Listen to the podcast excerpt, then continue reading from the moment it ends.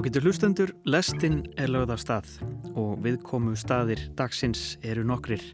Fljúandi furðurlutir í Kaliforníu, lítalækningar, ný plata með gorillas og forríkt fólk sem undibýr heimsendi.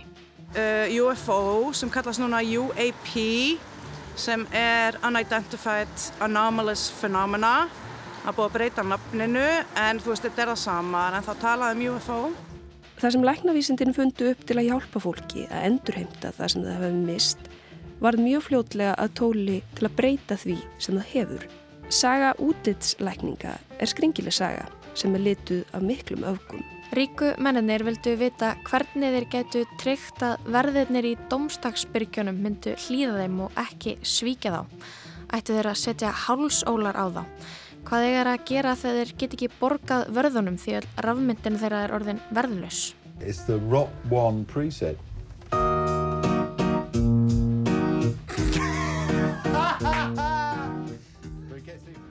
Ég heiti Jóhannes Ólafsson og þetta er lestinn miðugudaginn 1. mars. Við ætlum að byrja þessa ferð á að halda vestur um haf og horfa til himins. Já, við erum stödd hérna í Los Angeles með ljósmyndurunum Önnumaggi Grímsdóttur og Bergdísi Guðnadóttur. Annamaggi held nýlega fyrstu listsýningu sína ég er í bandaríkunum og var hún hluti af listaháttíðinni LA Art Fair. Bergdís hefur verið að velta fyrir sér fljúandi förðulutum sem bandaríkin eru auðvitað stút fullaf. Sérstaklega upp á síðkastið, enda hefur bandaríkja hér staðið í ströngum við að skjóta niður fljúandi förðuluti sem ratað hafa inn á lofthelgi landsins. Nú vinnur hún að ljósmyndaverkefni um fyrirbærið. Bergdís og Anna heldum meðal annars til Catalina eigu fyrir utan Los Angeles, þar sem mikið hefur sérst til förðuluta á himnum í gegnum árin. Þið komið á góðum tíma til að vera með ljósmyndaverkefni um fljúandi fyrðurhluti hérna í bandaríkjunum að því að uh, það er gríðarlega mikið í umræðinni eftir að bandaríski herin er búin að vera að skjóta niður fljúandi fyrðurhluti. Um, hvernig byrjaði þessi, þessi áhuga á, á fljúandi fyrðurhlutum? Hjá mér byrjaði það þannig um, að ég var að hlusta mikið á hlaðvör og einhvern veginn endaði ég á á því að vera að hlusta á þætti um þessa hluti uh, UFO sem kallast núna UAP sem er Unidentified Anomalous Phenomena það búið að breyta nafninu en þú veist þetta er það sama en þá talaði um UFO uh, en um leið og ég bara kynntist þessu þá bara uh, gæti ég ekki hægt og var að fara dýbra og dýbra og hérna svo fannst mér þá bara tilvalið með að ég hef búin að fræða mig í 2-3 ár að kannski tvinna þetta sama við ljósmyndununa. Bergdís er mikill áhuga maður um fljúandi fyrðurhluti. Hvernig dróst þú inn í, inn í þetta verkefni? Um, aðalega bara uh, að heyra hana tala um þetta og mér finnst það alveg virkilega áhugavert og ég get ekki ímynda mér annað en að það eru aðrar verur hérna í heiminum. Það er náttúrulega bara fárlegt að hugsa að við séum eini í heiminum. No propulsion, and it was no like how it moved or anything, but it was Okay. at a standstill in the sky. Svo klikka að fólk sé að sjá það sama að svipað, með svona svipaðar upplifanir og sjá myndir í símum og einhverju ljósi í himninum er alveg fáránlegt. Sáu þið fljúandi fyrðurhluti á Catalina Island? Nei. Nei, við sáum það ekki, ég fylgist grann með um, en allir sem við tölum við annarkvort höfðu séð, þekktu einhvern eða trúðu því að væri. Katalína er einmitt svona hotspot, það er talið að sé eitthvað hann í gangi en það er ekkert sem maður getur staðfest, þetta er bara sem maður heyrir. Það var svo klikka að vera að spyrja fólk sem að býr þar og einhvern veginn að uh, flestir hafa upplifað UFOs um, séð ljós í himninum og svo klikka að sé sínt manni bara myndir. Bara eitthvað tekið símanum. Þetta er stór magna það er ekkert að pæla mikið í því fyrir en að ég var þarna. At least one live alien at uh, the two crash sites in New Mexico in July 1947. And that, uh, of course, if there was a live alien, he was examined by the U.S. government officials. There were certainly dead bodies, which were also examined. Whether there is an agreement between aliens and the U.S. government, I've heard all kinds of rumors. I simply do not know. It's in my, my gray basket. Maybe. We don't know. Uh, efasemdarmenn um geimverur haldaði fram að þetta séu allt uh, háþróaðar, leinlegar uh, flugvelar sem að herin er að þróa en síðan er kannski fólk sem að er svona á báðum áttum og hver, hver er þín skoðan Bergdís, ég veit að þú ert mikið búin að fylgjast með þessu Uh, já, ég skil auðvitað efasemdirnar. Maður var ekki mikið að hugsa um þetta og það var náttúrulega mikið stigma í kringum þetta og gert lítið úr fólki sem talaði um reynsluna. Þannig að ég skil alveg efasemdirnar en ég bara eftir að hafa heyrt og lesið og hort á mikið um þetta þá, veist, er þetta fyrir mér ekki spurning og það er bara tímaspursmál að fólk gerir sér grein fyrir því og uh, ég held þetta sé bara að fara að koma meir í ljós.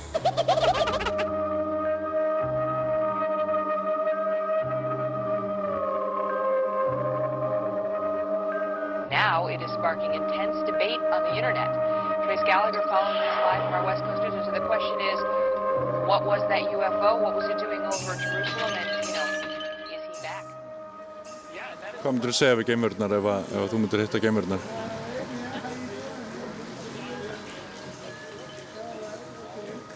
Sorry? Já, já, sorry og tell me everything.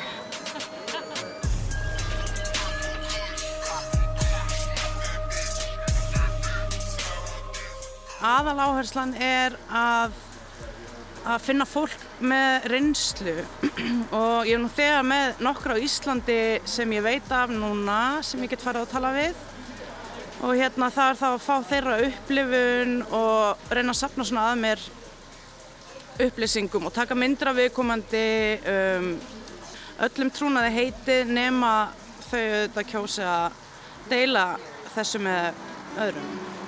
Um, It's amazing. have you seen a UFO or do you know anybody who's seen anything or I- have you heard about it? I have heard of people having encounters, yes, Uh-huh. but I have not. not. N- no, personally, right. Personally, What about, no. like, have you heard about around this island?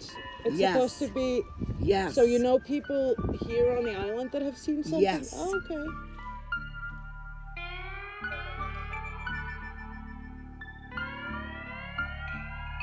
Við sáum úfó upp á heiði gæs og út úr honum stígu verur tvær. Þær spurðu hvort við ættum nokkuð eld að kveikja upp í kveld.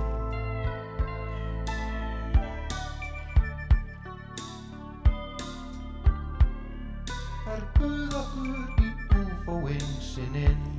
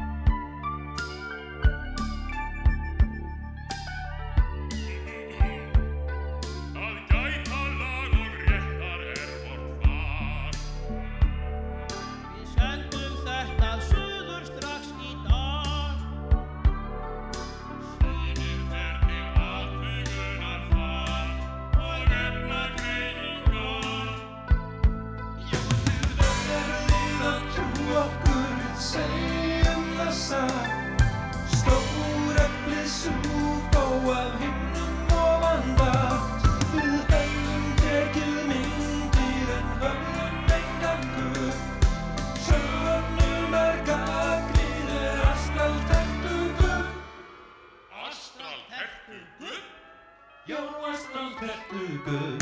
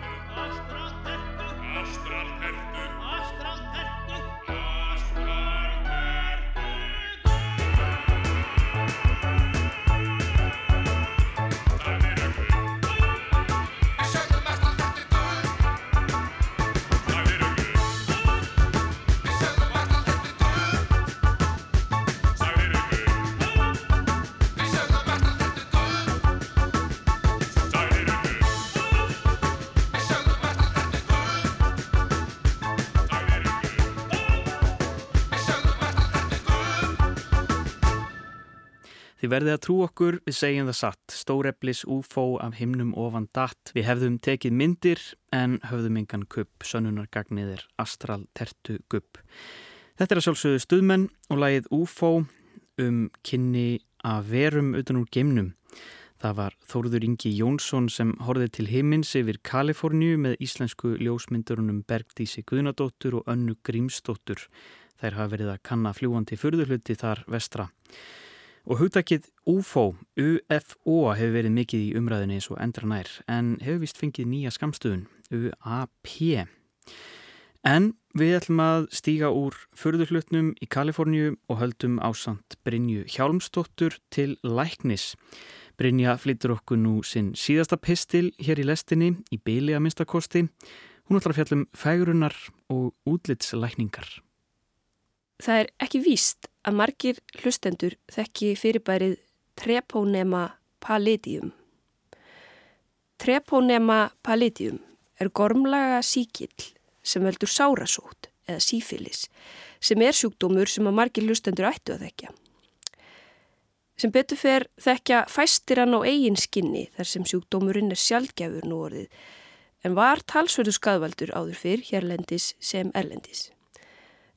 Hann er líka sæmila auðveldur í meðhöndlun, gömul og góð bakteríusíking sem á sín lítilska hvert fúkalifjum. Sífilis er kynsjúkdómur sem smitast frist og fremst með kynmögum og er stigmatiseraður eftir því. Hann getur einnig smitast í móðurkviði. Fyrstu enginnin eru lítil og hörð eimslalös sár á smitsveðinu sem koma fram skömmu eftir smitt. Sárin geta samt horfið án meðhundlunar. Annar stygg sífilis kann að koma fram nokkrum vikum síðar, þá sem áberandi útbrót um allan líkamann.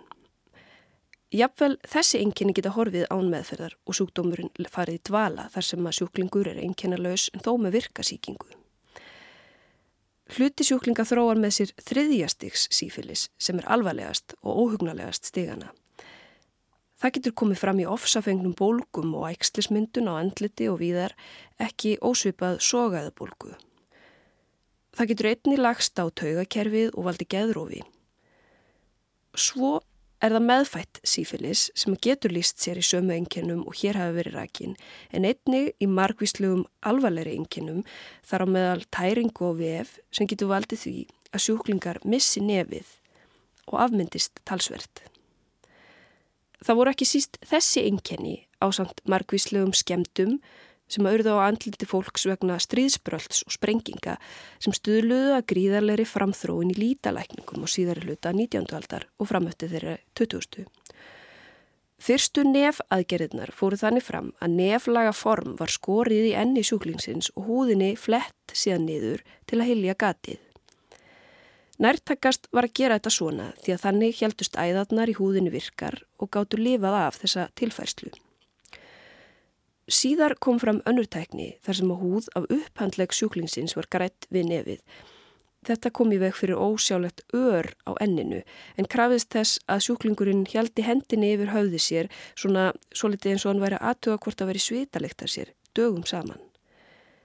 Þetta lagði fólk samt á sig teldi lífi sínu jafnvel í tvísinu því að skurðaðgerðir með tilherandi síkingahættu voru meira hættu spil áður fyrr. En þetta gerði fólk samt fyrir samfélagslegt samþykki og til þess að líða betur í eiginskinni. Það sem læknavísindin fundu upp til að hjálpa fólki að endurheimta það sem það hefði mist var mjög fljótlega að tóli til að breyta því sem það hefur. Saga útlitslækninga er skringileg saga sem er lituð af miklum öfgum. Kraftaverk hafa átt sér stað, lífum bjargað, til dæmis í tilfelli transfólks.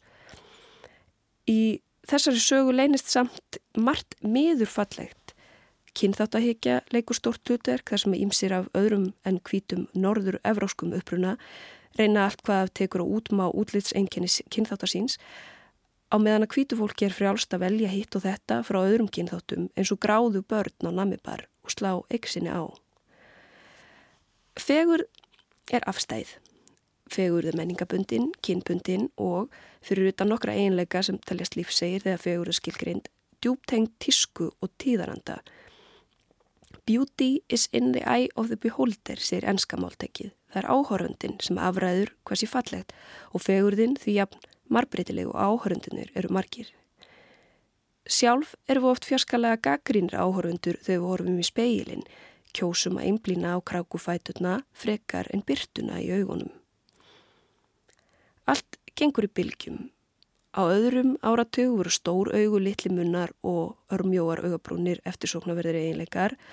Á sjötta áratugnum eru íturvaksnir líkamar eftirsóknarverðir en á þeim sjönda eru þeir minni. Á nýjunda áratugnum snýst allt um axtlir og vöðva. En hvað er eftirsóknarvert í dag?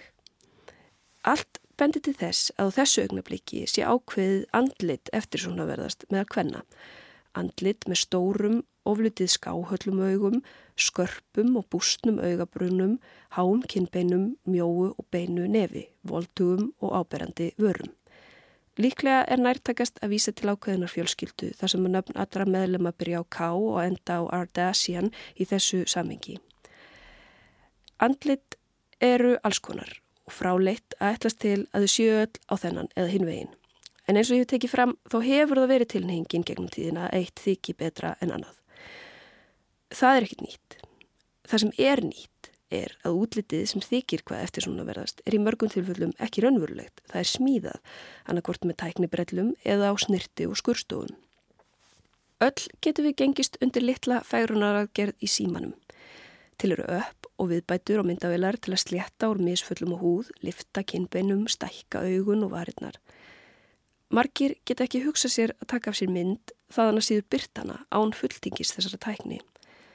Hún er flestum aðgengileg en hinn kosturinn er kannski ekki alveg jafn aðgengilegur.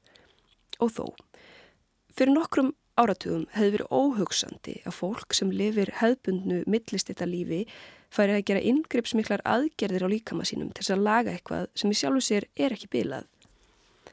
Það er hins vegar velhugsanlegt í dag, bísna algengt meiri segja og verður bara algengara.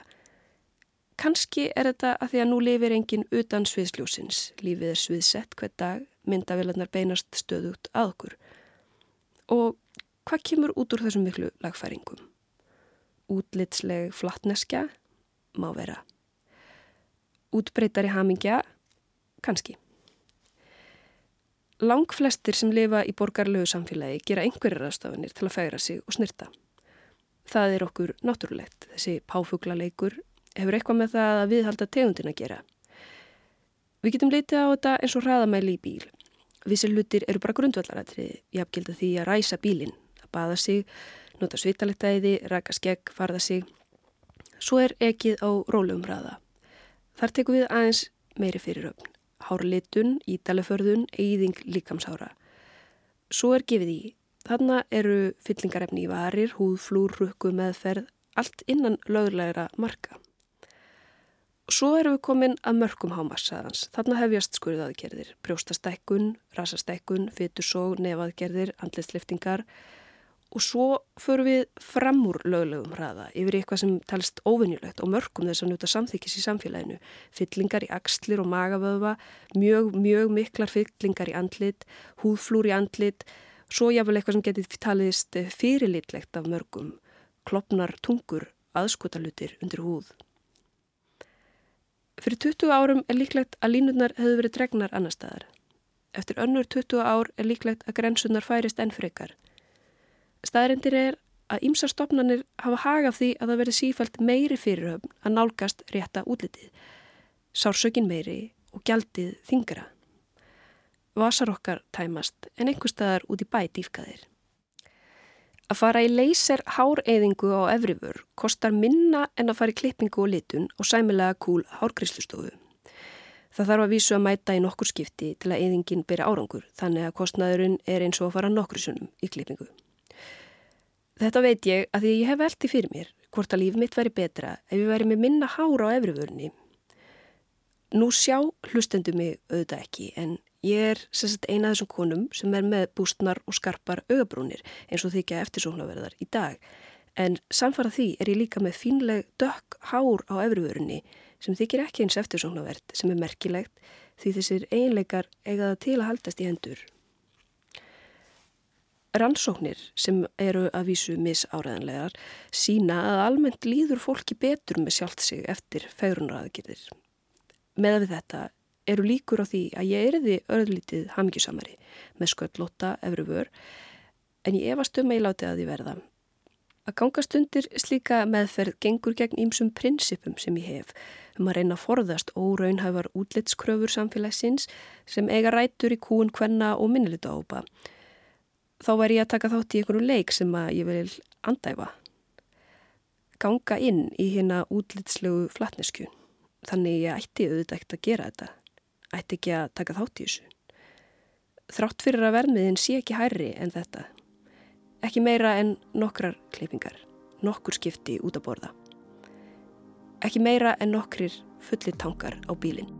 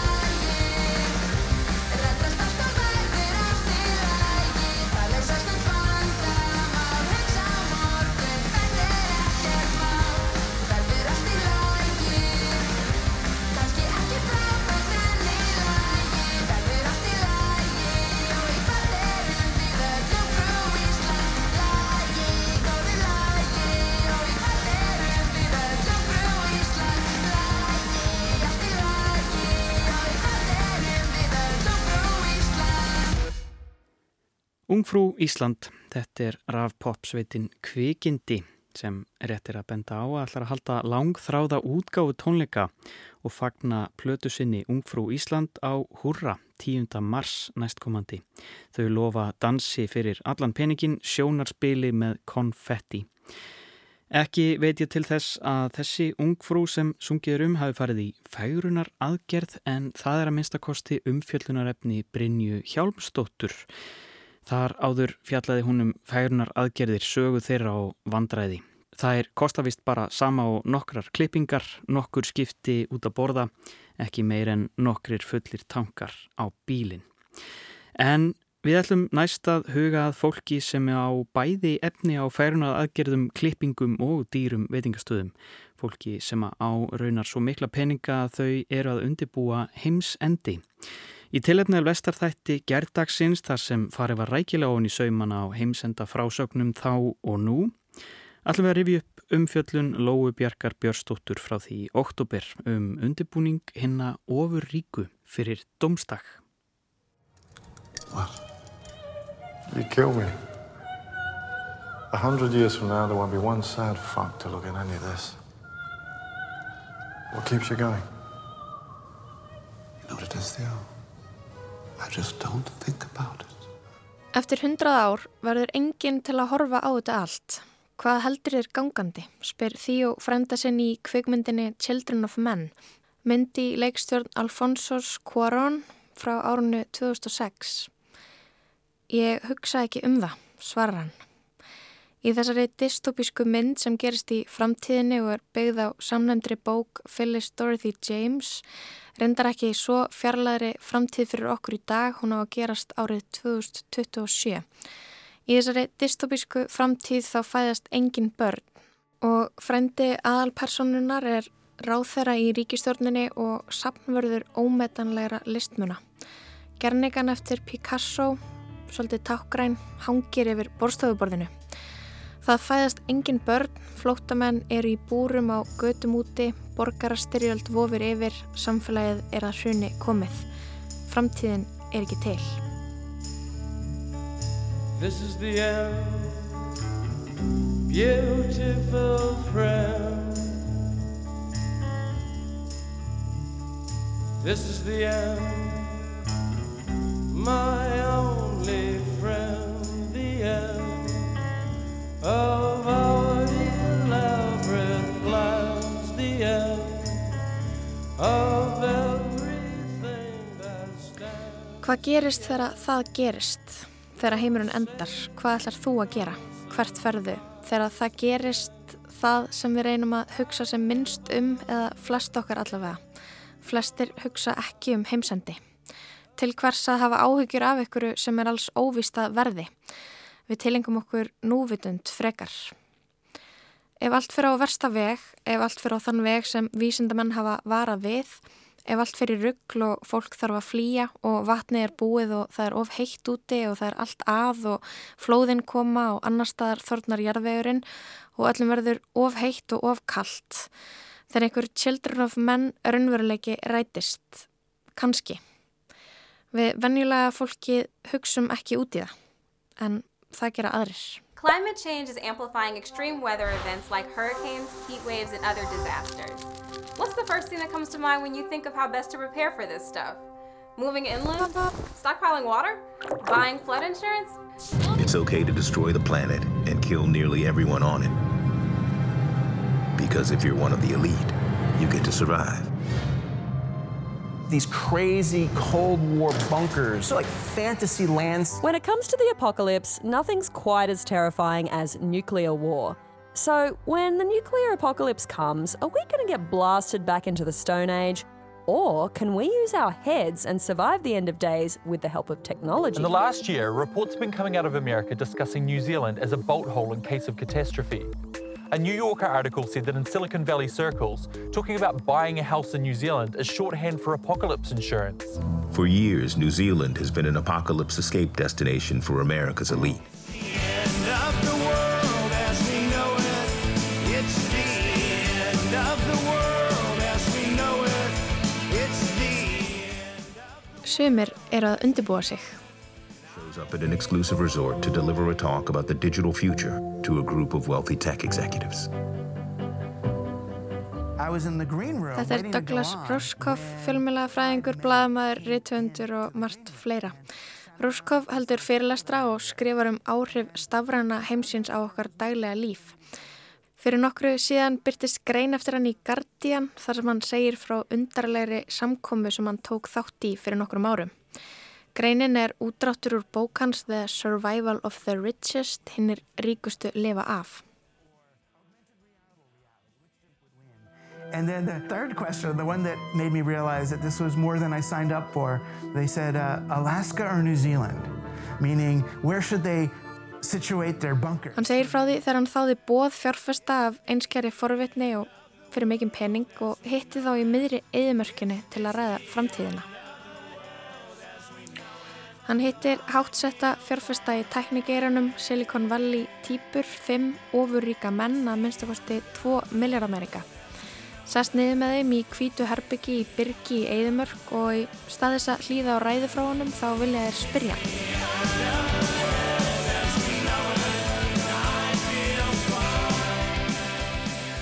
Þeir vilja fyrst fá að vita hvort sé betra, Bitcoin eða Ethereum, hvor verður fyrri til að fá skamtatölfur, Google eða Kína, alls konar svona eðlilegar vangaveltur fjárfesta.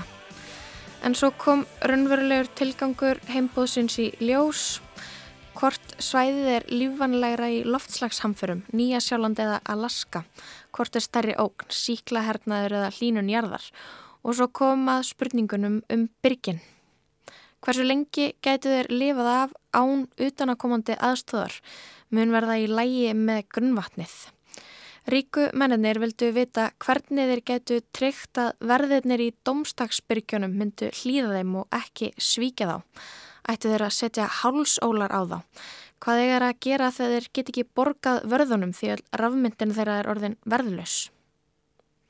Roskov bendir á í greininni að það séu vissulega ekki nýjar frettir að ríkasta fólk heimsins sé fara að skipulækja framtíðina með þessum hætti. Fullt af luxus neðanjarðar byrgjum séu nú þegar í byggingu og tilbúin og til sölu. Byrgi með sundlögum, náttúrulegu ljósi og öllum þeim munaði sem hægt er að ímynda sér. Viljum aður lifa af eftir heimsandi.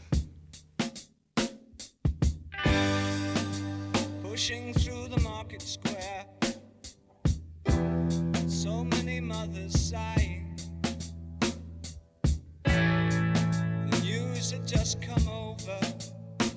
We had five years left to sighing. News guy wept when he told us Earth was really dying. Cried so much his face was wet. Then I knew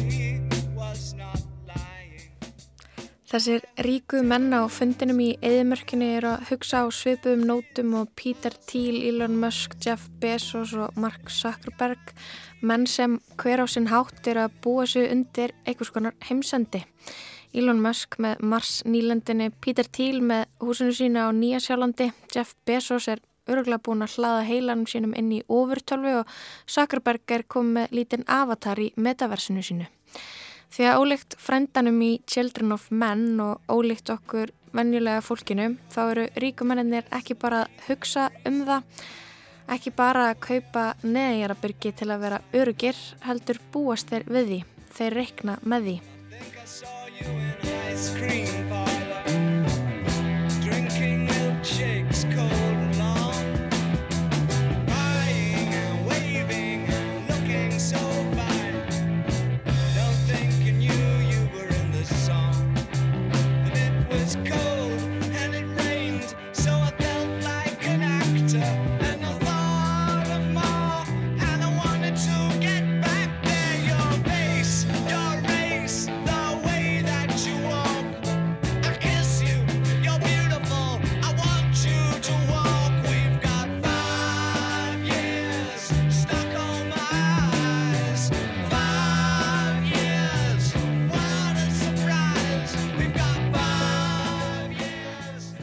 Ruskov reynir að útskýra fyrir þeim að nei, hálsól og ógnarstjórn og hlýðinni mun ekki skila vænlegum niðurstöðum heldur að ég að umbeta sér að því að byggja og rækta sambönd og tröst aðeins þannig getið þeir trist þeim sem vinna fyrir þá. Hvernig ætla þeir að halda lífi þegar þeir einangra sig frá öllum verða fyrir vikið líkleg skotmörk sveltandi fólks ógn sem þeir eru vel meðvitaðir um en það er mikilvægt að vera vel vopnaður, kunna að skjóta eða gera eins og einn í hópnum hefur gert. Hann er nú þegar búin að ráða tólf menn úr sjóhernum sem hafa samþygt að koma til hans um leið og hann gefur þeim merki. Rúskov talar um að þessir menn, þeir hugsi ekki um heldina. Þeir sjá það ekki svo að það sem sé gott fyrir alla sé gott fyrir þá. Þeir fjárfesta ekki í innviðum sem getur tryggt fæðuöryggi komið að hamförum því að það er ekki bara fæðuöryggi þeirra heldur allra og þeir vilja bara passa upp á sig. Því að miljardamæringarnir í byrginu í eðimörkinni hljóta að vita að það eru takmarkanir á plönunum þeirra. Og ef þeir vita það, eru þeir þá að leika sér að því að byggja byrgi sem þeir vita að eru megin gölluð. Eru þeir að larpa í heimsenda undirbúningsleik.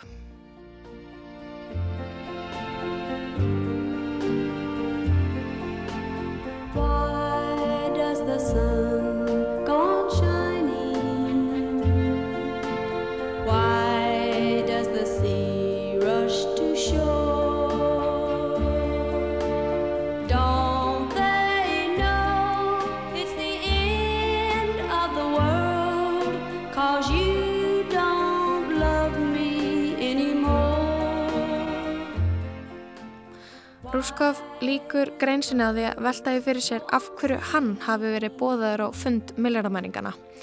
Þeir vildu fá hann í eðimörkina því þeir vildu ræða hugmyndafræði við hann. Hugmyndafræði sem geti réttlætt útgöngu áallanirnar. Þeir voru að reyna að reikna út hvort þeir getu grætt nógu mikinn penning til þess að geta einangra sig frá raunveruleikanum. Raunveruleikanum sem þeir eða minnstakosti fólk eins og þeir, þeir ofur ríku, tóku þátt í að skapa. Þeir vildi aðeins finna réttlætinguna, hvort sem það verður heimsendir eða ekki.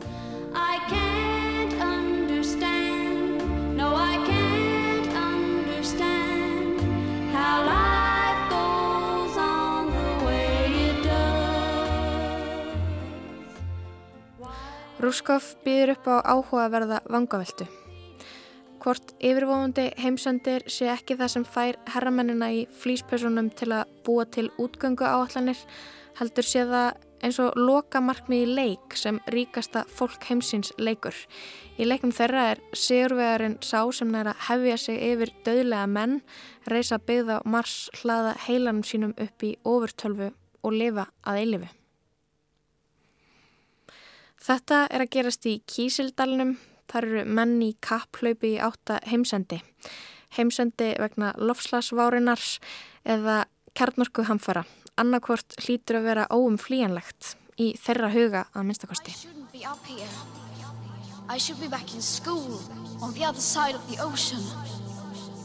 Yet you all come to us young people for hope. How dare you? You have stolen my dreams, my childhood with your empty words. And yet I'm one of the lucky ones. People are suffering. People are dying. Entire ecosystems are collapsing. We are in the beginning of a mass extinction, and all you can talk about is money and fairy tales of eternal economic growth. How dare you come here saying that you're doing enough when the politics and solutions needed are still nowhere in sight? Right here, right now is where we draw the line. Right here, right now, right here, right now, right here, right now, right here, right now, right here, right now, right here, right now, right here, right now, right here, right now, right here, right now, right here, right now, right here, right now, right here, right now, right here, right now,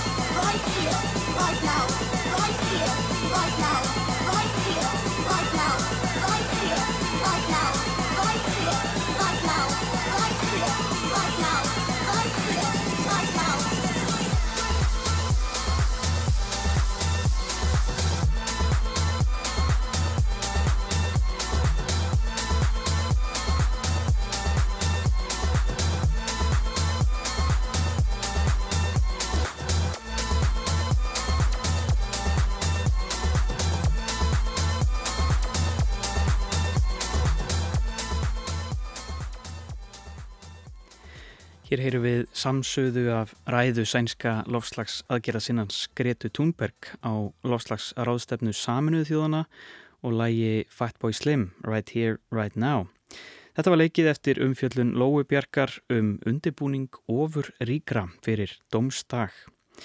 Það fer að líða að lokum hér í lestinni en við ætlum að ná nokkrum snúningum af nýjustu plötu Gorillaz sem kom út fyrir helgi Cracker Island. Me really. So I want to just start this by, by before we get into this new album by just putting into context what it is about West London because you've travelled all over the world. I mean, Ég rakst á aðteglisvert myndband í gerkvöldi sem er á stjáum samfélagsmiðla þessa dagana. Þar sést brot úr nýju löngu viðtali Sein Low við tónlistamannin Damon Albarn. Þeir eru kumpánlegir saman í góðum gýr í hljóðveri Albarns í vestur London greinilega í djúpum samræðum um innblástur og uppbruna tónlistar Albans þegar að hann snýr sér að lítilli græju og ítir á taka. It just came like that. That's it. That's the preset. It's the Rock One preset.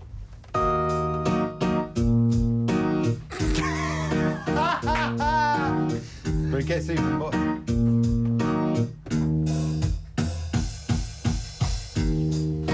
Wholesale. It. Wholesale. That's the whole Wholesale. song. Finally, someone let me out of my cage. That's Yeah. fucking awesome.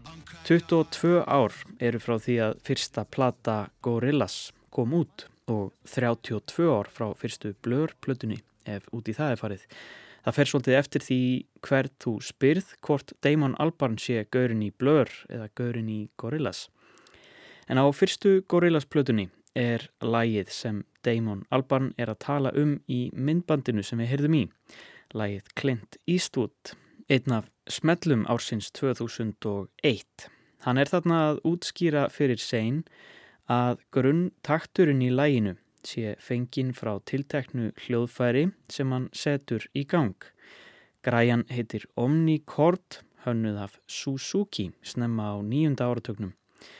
Þetta er eins konar harpa þar sem það þarf ekki að íta á marga takka eða halda inn í böndum til þess að fá hljóm heldur velum að bara hljómin með einum takka og leikur hann svo með því að strjúka eftir snertiborði eins og um alvöru hörpu væri að ræða. Og í þessari áhugaverðu hörpu er einfallega innbyggður taktur sem kallast Rock One Preset. Það útskýrir Albarn er grunnurinn að Clint Eastwood.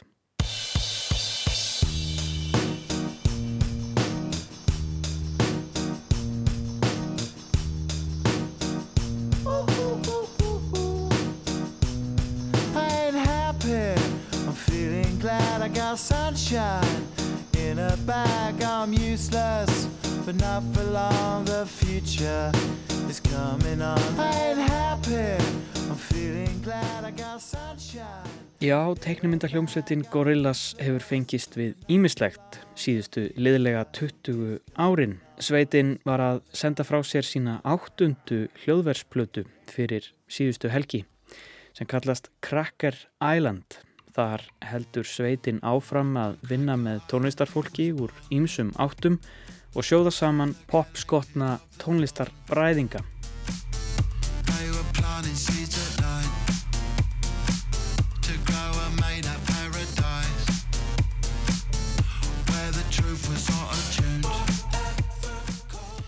Þar kemur til dæmis fyrir bandaríski funk og jazz bassafanturinn Thundercat og rapparinn Bad Bunny en líka gamlar kempur eins og tónlistamæðurinn Beck og Stevie Nicks úr Fleetwood Mac.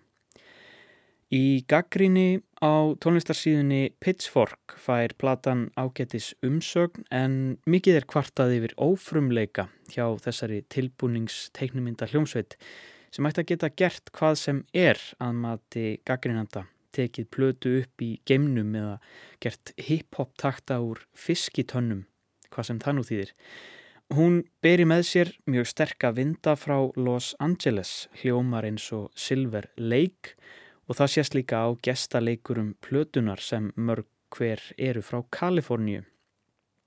Gorillaz hafi einfallega komið sér rækilega fyrir í sinni eigin sköpun, sínu eigin sándi, einhvers konar þæginda ramma sem þeir ætla mögulega ekki út fyrir.